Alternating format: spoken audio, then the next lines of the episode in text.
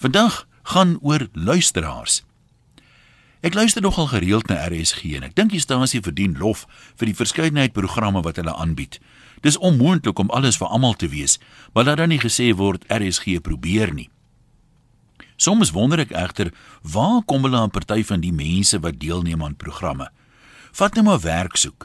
Die omroeper vra mooi dat mense tog eers te sê of hulle werk soek of werk aanbied, sodat hy die regte vorm kan begin invul. Eers met die inbeller se naam, dan die area waar hy werk soek en so aan. Dis egter maar 'n minderheid wat daartoe in staat is om by die volgorde te bly. Party is nie eers seker of hulle werk soek of iemand soek om vir hulle te werk nie. Die helfte moet eers groet en 'n geselsie aanknoop en ander kan weer enige iets doen. Al moet so 'n mens nog gebore word. Kyk 'n ou wat sê hy kan enige iets doen, se geesdrif oorskry sy talent aansienlik. Ek kan die desperaatheid van sommige werksoekers verstaan, maar sal jy iemand aanstel wat nie eers basiese opdragte kan uitvoer nie? Wat is die kanse dat so 'n mens wat so sukkel om te sê wat hy kan doen, wel die werk sal kan doen?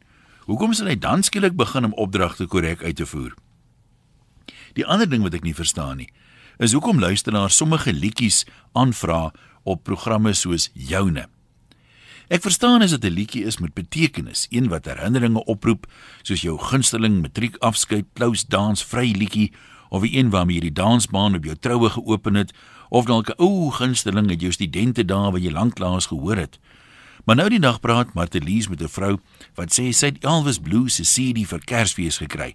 En sy luister sedertdien elke dag daarna na haar kar. Dis nou al meer as 3 maande. Daarom is die eerste liedjie op haar reisie van daai CD af.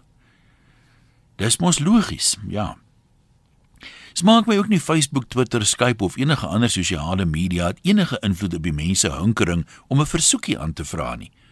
Niemand wil self sy liefie bel nie of selfs 'n selfie SMS nie. Nee. 'n Omroeper moet jou naam op die radio sê. Al is die versoekie vir my ou man wat hier langs my op die stoep sit. Gee dit 'n mens ieder van 'n status as jy jouself of jou uh vriende jou naam op die radio hoor. Of is dit 'n versigtiging wat sê ek wil van geweet wees? Ek sal nooit 'n radiostasie bel nie, nie eens anoniem nie. En ek is ook nie bewus van enige vriend of familie dit wat ooit probeer het nie. Maar ek weet nie regtig hoekom nie. Dalk het ons bloot niks te sê nie, of dalk is ons senuwees nie sterk genoeg om dit te oorleef nie. Al spot ek net met baie inbellers, het ek heimlike groot bewondering vir hulle. Ons moet hulle eintlik salueer, want sonder hulle sou ons stille meerderheid van ander luisteraars se lewens daarom baie armer gewees het. Of hoe? Groete van oor tot oor, anoniem.